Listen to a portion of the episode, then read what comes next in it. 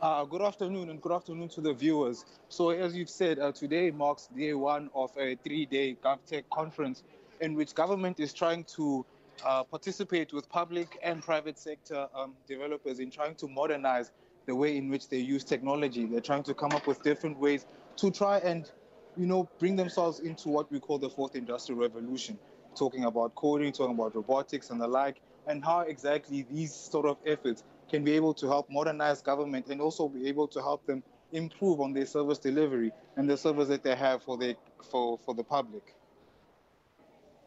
Uh, Mpumelelo, uh, just with regard to who else is in attendance, we know CETA is, of course, there um, from government side, but who else is in attendance?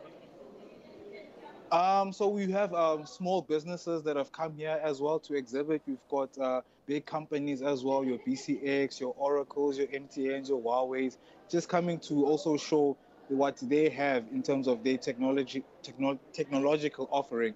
Um, yeah. All right. Before we get any uh, to any significant announcements or initiatives uh, that uh, you've uh, taken sight of, uh, perhaps I should let you uh, uh, get into that conversation with Mr. Tladi Tladi. Oh, okay, yes. Like you've mentioned, on uh, I've got uh, Dade Tladi Tladi with me, who is the head of corporate affairs at CETA. Uh, just to bring him in into the conversation. Uh, good afternoon, Dade Tladi. How are you? Uh, good afternoon, my brother. I'm well, thanks, uh, and thank you for, for your presence at GovTech as members of the fourth industry and the media uh, to come here and witness for yourself what is happening here at GovTech 2023. Mm-hmm. And obviously, being uh, day one of this uh, uh, event, uh, can you just please elaborate to us who were some of the keynote speakers of this address, of this uh, sorry, summit? Yes, um, the the conference was uh, officially opened uh, this morning, and the Minister of uh, Communications and Digital Technologies, Minister Mondli Gungubele, delivered the keynote address, and also present um, at the conference were the Premier of KwaZulu Natal, as well as the Executive Mayor uh, of the City of Ethekwini, uh, Councillor Mxolisi Kaunda, uh, noting that uh, KZN and the City of uh, Ethekwini are the host of the this conference. These are some of the, the key players in the political sphere that are present here. However, there is a range of other speakers that are also present here, some of whom are also going to participate in some uh, focused conversations that are going to take place that speak to the, uh, the area of uh, ICT value chain. Mm-hmm. And uh, can you just tell us uh, what would be the key themes or the the topics that will be discussed this year. The overarching theme of the conference in 2023 at GovTech speaks to the platform economy for digital transformation and inclusive growth.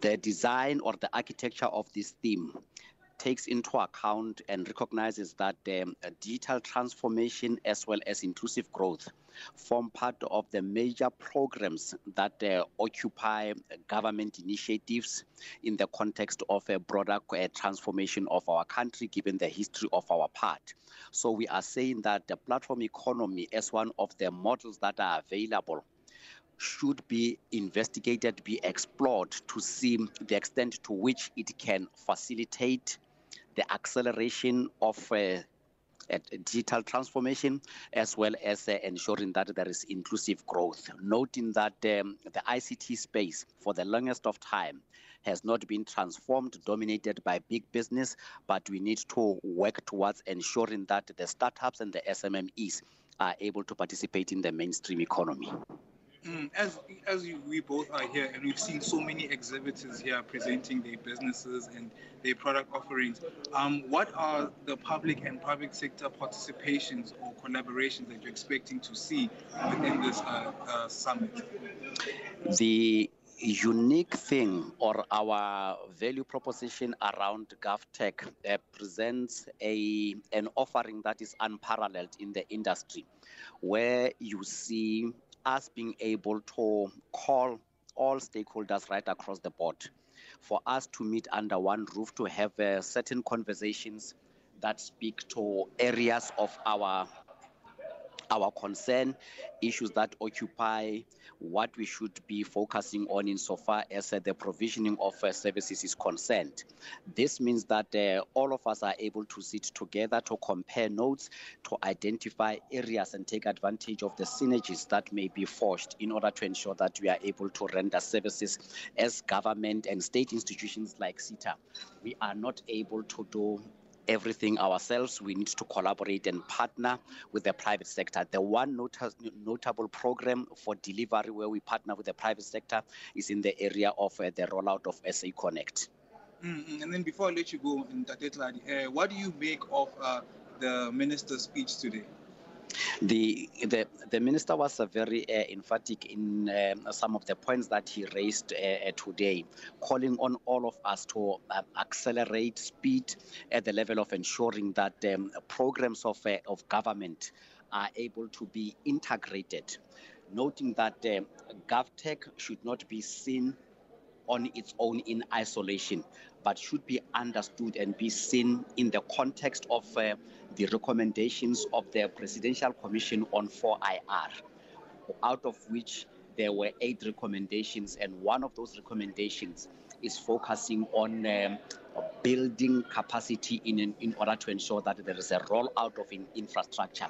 And that speaks to the area around which we are focusing on SA Connect. SA Connect is about building infrastructure to ensure that uh, everybody in the country is not left behind insofar as connectivity is concerned. Connectivity plays an important role in the context of digital transformation.